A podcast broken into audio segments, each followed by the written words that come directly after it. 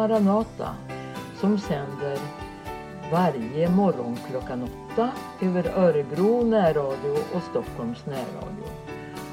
Och idag så hör vi Tage Johansson undervisa utifrån Matteus 24 och 25 kapitel och hans fru Gertrud assisterar med läsning.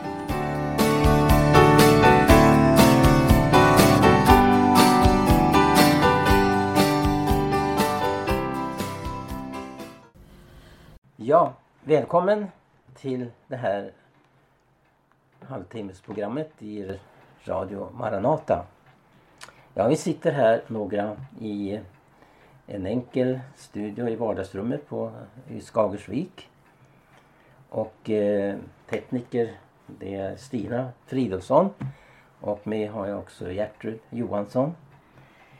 Och eh, din hustru? ja, Ja. vi ska fortsätta det här. Eh, jag har ju ett tema för ett serie närradioprogram som handlar om Jesu tillkommelse. Och eh, temat är ju det här då, vem är redo när Jesus kommer? Vem är redo och kan man veta om man är redo?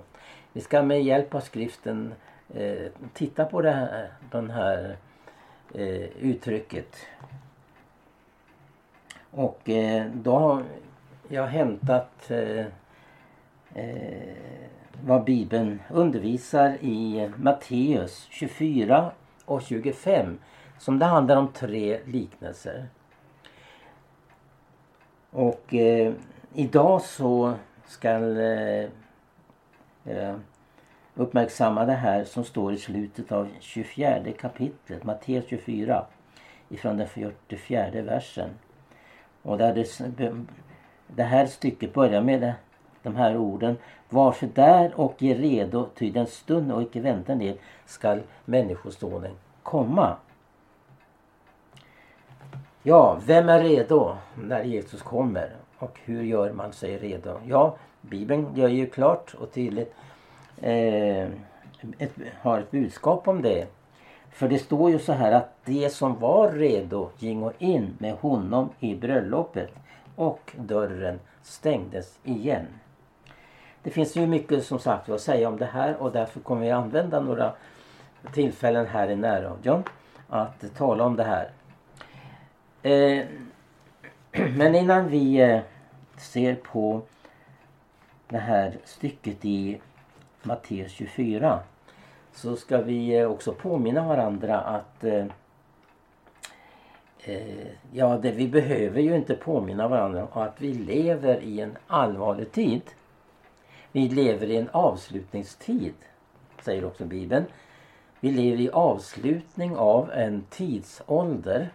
Och i slutet av denna tidsålder alltså ska Jesus komma. Och han kan komma, han kan komma när som helst. Vi lever i den här tiden som Jesus talar om. Då ska det vara med himmelriket så som när tio jungfrur gick ut för att eh, möta sin brudgum. Då och som jag sa tidigare här i ett närradioprogram så kan vi byta ut det här ordet då därför att det här sades för cirka 2000 år sedan. Då ska det vara. Men nu är det så. Nu är det så. Nu är det så med att eh, det Jesus talar om det är nu vi upplever detta. För att Jesus hänvisar här till en speciell tid. Och det är ju då naturligtvis i samband med hans tillkommelse. Då ska det vara. Då ska det vara. Men innan vi går in på det här att eh, vänta Jesus, att vara redo. Det har att göra med tre eh, sidor kan man säga.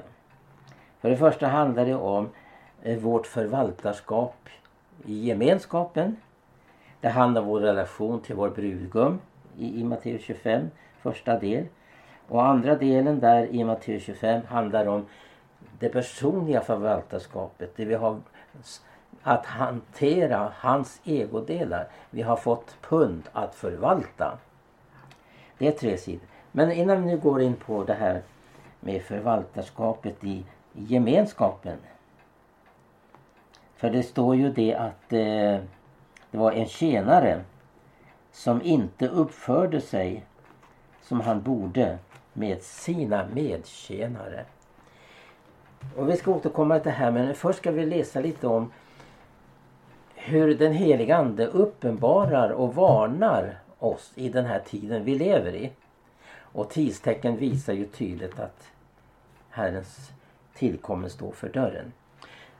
Till exempel så har vi fått eh, både i skrift och höra muntligt av Emanuel Minos, en känd predikant i Norge som numera är hemma hos Herren, fick eh, vid ett besök i en Luthers församling i Wald, Valders i Norge träffa en kvinna som hade mycket märklig uppenbarelse. Och när vi ser tillbaka så ser vi att hennes profeti eller uppenbarelse har bit för bit gått i, i uppfyllelse. Och nu finns det här också i en liten skrift som jag har gett ut. Tid att vakna inför tidens allvar. Jag ska be Gertrud att läsa det här som Emanuel Minus skrev ner och som han lät ligga i en byrålåda i 30 år men fick sedan återigen läsa den och blev överraskad över att det var så sant den här kvinnan. Ja, varsågod och läs. Ja, vi ska läsa detta. Det står så här att den norske väckelseevangelisten Emanuel Minos höll möten i Valdres 1968. Efter ett möte kom en gammal luthersk kvinna och ville berätta om en syn hon haft.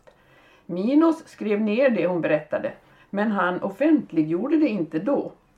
1994 fann Emanuel Minos några gamla papper i sin skrivbordslåda han läste på nytt det han skrivit ner och han blev förskräckt då han läste vad kvinnan sett i sin syn. Den var underlig och ohyggligt aktuell. Och märk väl, det här var 1994 redan. Eh, så länge sedan. Under det år som hade gått eh, hade mycket gått i fullbordan. Kvinnan hade sagt till Minos att varna och berätta när tiden närmar sig och Minos minns att han gjorde invändningar då i samtalet. Mycket tedde sig omöjligt men kvinnan sa tydligt det kommer att ske och du kommer att få se det uppfyllas. Och här är synen som den gamla kvinnan berättade för Emanuel Minos 1968.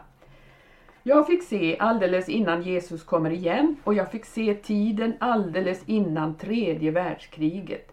Jag fick se vår världsdel, ja hela världen som en slags glob och jag såg Europa, land efter land och jag såg Skandinavien och Norge. Och jag såg vissa företeelser som kommer att hända alldeles innan Jesus kommer och alldeles innan den stora olyckan bryter lös över mänskligheten som aldrig har upplevt något liknande förut. Det är fyra händelser. Innan Jesus kommer och innan allvaret bryter loss blir det en avspänning som vi inte har haft förut i mellankrigstiden. Detta var år 1968 då det kalla kriget pågick intensivt. Det blir fred och freden kommer att vara en tid. I denna fredsperiod blir det nedrustning i många länder, också hos oss i Norge. Vi står återigen oförberedda när allvaret bryter loss.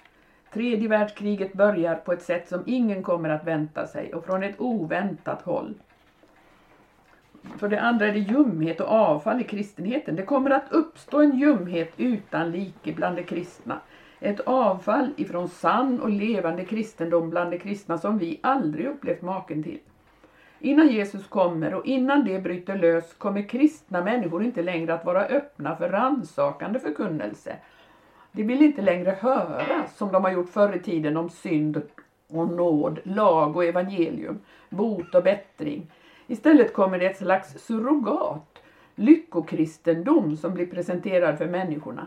Det gäller att vara väl lyckad, det gäller att nå framgång, det gäller det materiella goda. Ting som Gud inte har lovat oss på det sättet.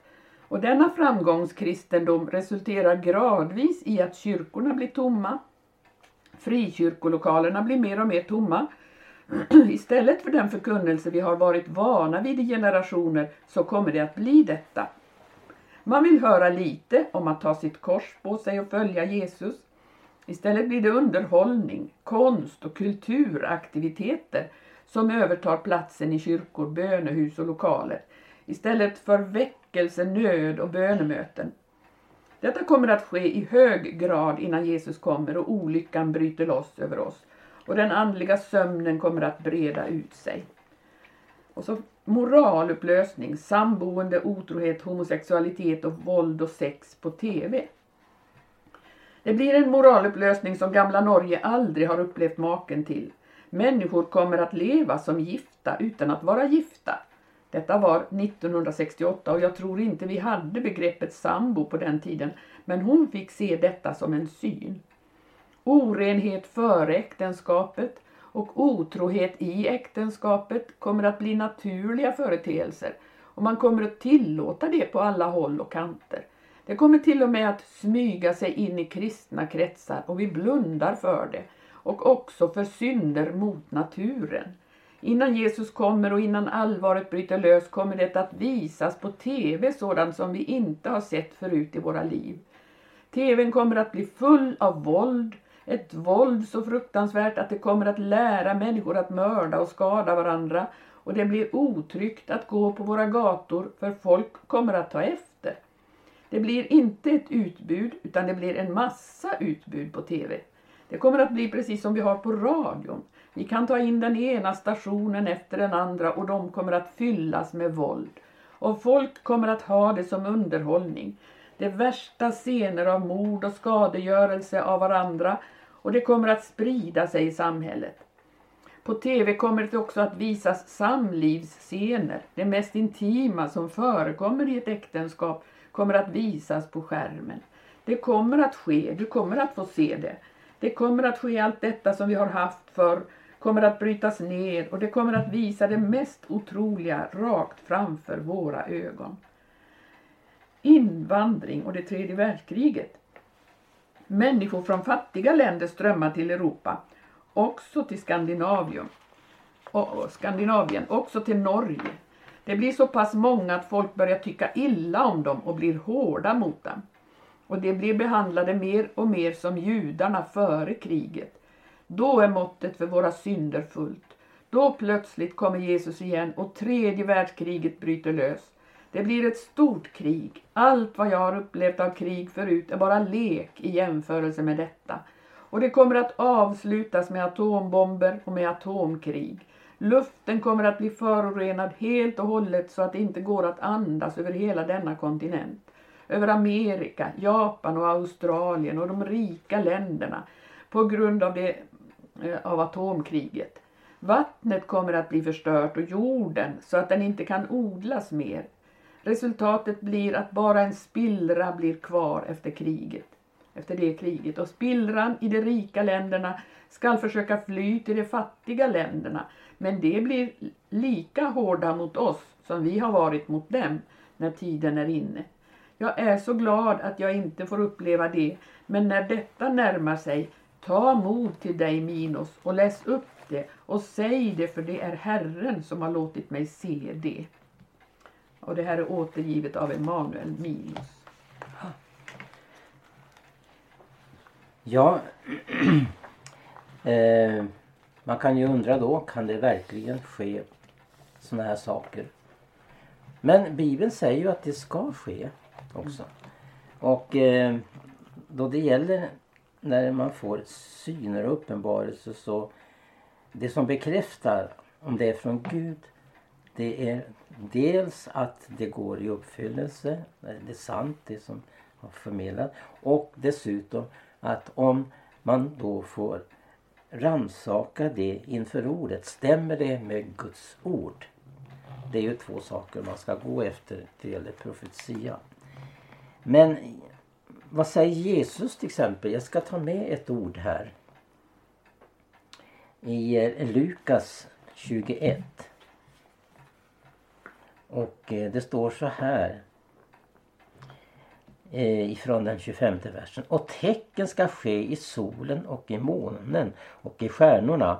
Och på jorden ska ångest komma över folken och det ska stå rådlösa vid havets och vågornas stån. Då när människorna uppgiva andan av förskräckelse och ängslan för det som ska övergå världen, till himlens makter ska beva. Och då ska man få se Människosonen komma i en sky med stor makt och härlighet. Och när detta begynner ske, då må ni resa eder upp och upplyfta edra huvuden, ty då nalkas eder förlossning. Och sen säger han till den troende skaran så här i längre fram ifrån 34 versen. Men tagen är det tillvara för att låta edra hjärtan förtyngas av omåttlighet, dryckenskap, timliga omsorger så att den dagen kommer på eder oförtänkt. Ty såsom en snara ska den komma över hela jordens alla innebyggare. Men vaken alltjämt och bedjen att de må kunna undfly allt detta som ska komma och kunna bestå inför Människosonen. Vi har också andra profetier som ligger längre tillbaka i tiden. Och jag tänker på en sådan profet som eh, eh, eh Claesson. Och som gav ut en skrift som eh, han gav ut flera men en skrift eh, eh, heter Dom över Sverige och man läste den. Och jag vet att jag i det här häftiga vi har läst nu så, så tar jag upp det här som ett förord. Du kan kanske läsa det här förordet som finns i det här häftet som jag har skrivit där. Det står så här då, det profetiska ordets betydelse. Under den sista tiden har vårt lands belägenheter mer och mer blivit lagt på mitt hjärta. Det är med stor vånda och kamp som dessa rader förmedlas vidare. Det är av stort värde för oss att få mottaga profetiska budskap som givetvis ska prövas om de är från Gud. När Barnabas och Paulus var i Antiochia kom det profeter ner från Jerusalem. En av dem var Agabus, talade om en hungersnöd som skulle komma över hela världen, som också kom på Claudius tid. På det viset kunde man förbereda sig. Det står att Gud inte kunde dölja för Abraham vad han tänkte göra med Sodom och Gomorra. Kan jag väl dölja för vår vän Abraham vad jag tänker göra? Gud väcker och varnar sitt folk genom profeter. Där profetia icke finnes, där blir folket tygellöst, men säll är den som håller lagen. Birger Claessons syner och uppenbarelser på 50-talet som kom ut i skrifterna Dom över Sverige och Sveriges ödestimma är kanske bortglömda av de flesta idag men blev till väckelse och förnyelse för vårt land. Det är nu mer än 50 år sedan. Hade Birger Claesson fel? Nej, men han fick från Gud att om man sökte honom i bön och fasta till väckelse och förnyelse skulle domen ställas på framtiden. Resultatet blev att en mäktig förnyelseväckelse gick över vårt land. Idag är situationen helt annorlunda för vårt folk. Det handlar inte om skrämselpropaganda men att väckas till andlig nykterhet och använda den korta tid som eventuellt är kvar. Det gäller att vara förberedd inför det som ska komma. Gud vill genom den nöd som kommer över vårt land frälsa en skara som söker honom i sin nöd. Vi har haft fred i snart 200 år och Sverige har under lång tid inte upplevt vad krig innebär. Från Birger Claessons tid till våra dagar har Gud fortsatt att tala genom syner och uppenbarelser av det som handlar om slutskedet av denna tidsålder. Det framgår att Sverige med flera länder inte kommer att tillhöra EU-blocket den sista tiden. Ja, ja medan vi läser här eller du Gertrud läser här så kanske kan gärna ta med eh, det finns ju en, en bok där eh, mina korta bibelstudier som har varit infört i tidningen Midnattsropet så finns det en mycket kort eh, bibelstudie där som eh, har rubriken de oförståndiga jungfrurna. Kanske ta och läsa det också. Det finns inget innehåll i evangelierna och breven som ger så stort utrymme som just Jesu andra tillkommelse. Det handlar om en evakueringsplan som Gud har för sitt folk i en svår och trängd tid med stora världshändelser som är förknippade med församlingens uppryckande. Den stora och allvarliga frågan för dig och mig är om vi är redo när detta sker. En tid och stund som endast Fadern i himmelen vet. Genom liknelsen om de tio jungfrurna i Matteusevangeliet 25, 1-13 så ger Jesus klarhet i frågan om vem som är redo och vem som inte är redo. I skriften uppmanas vi gång på gång att vi ska vara vakande och bedjande så att vi är redo när han kommer. Vi kan se att denna liknelse om de tio jungfrurna sammanhänger med det som står före och efter, det vill säga Matteus evangeliet 24, 44-51 och 25, 14 till 30. I det sammanhang som kommer före handlar det om vårt förhållande till våra medtjänare. I det andra vår relation till brudgummen och det tredje vår relation till vårt förvaltarskap. I den här undervisningen som Jesus ger oss om de tio jungfrurna ska vi stanna inför några ting och uttryck som kan bli till en avgörande lärdom för oss som lever just i den tid som det här bibelsammanhanget handlar om.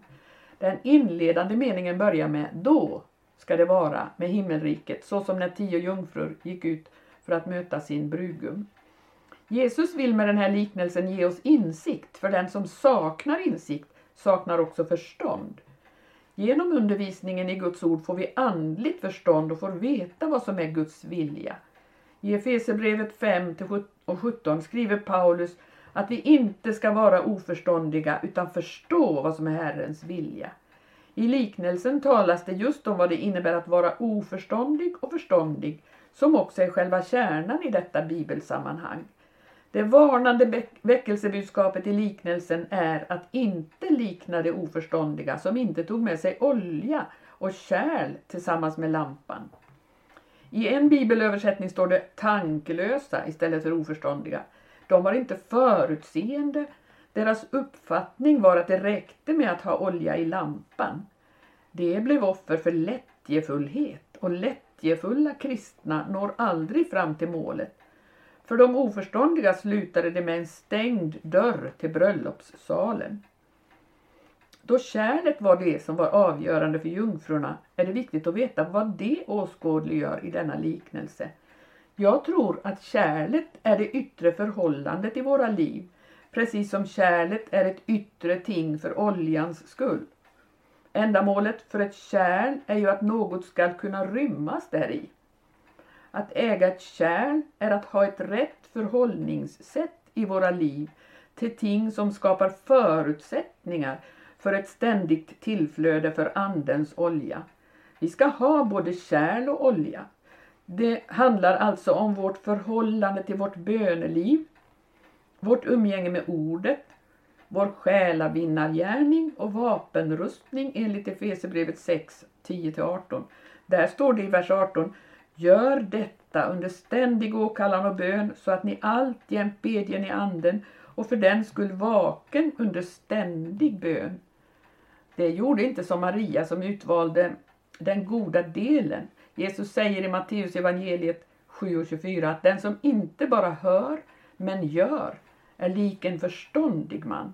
Man kan också tänka sig att de oförståndiga upplevde det som obekvämt och ansträngande att ta med sig kärl det ville göra vandringen lättare, lite behagligare och bekvämare.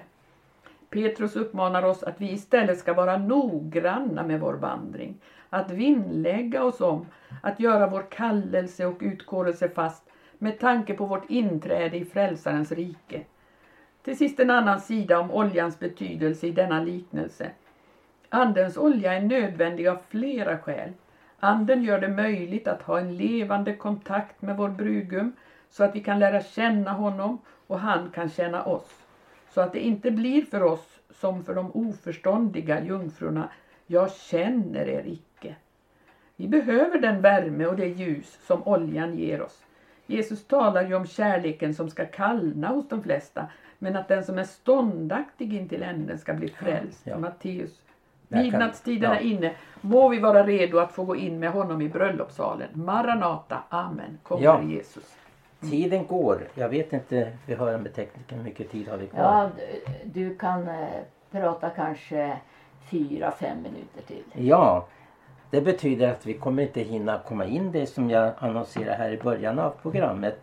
Att eh, titta på detta, vad Jesus vill lära oss. Det gäller en trogen tjänare och den som eh, misskötte sin uppgift. Mm. Som eh, åt och drack med de som var druckna. Och då, för då ska den tjänarens herre komma på den dag då han inte tänker det. Ja, vi får återkomma med ett program eller flera program då i det handlar om det här. Så nästa program då ska vi titta på det här med att eh, vad det vill lära vad Jesus vill lära oss med det här sammanhanget i Matteus 24. För det handlar om den sidan också, att vara redo när Jesus kommer. Att eh, hur vi förvaltar det som har, handlar om vår gemenskap. Amen. innanför eller utanför.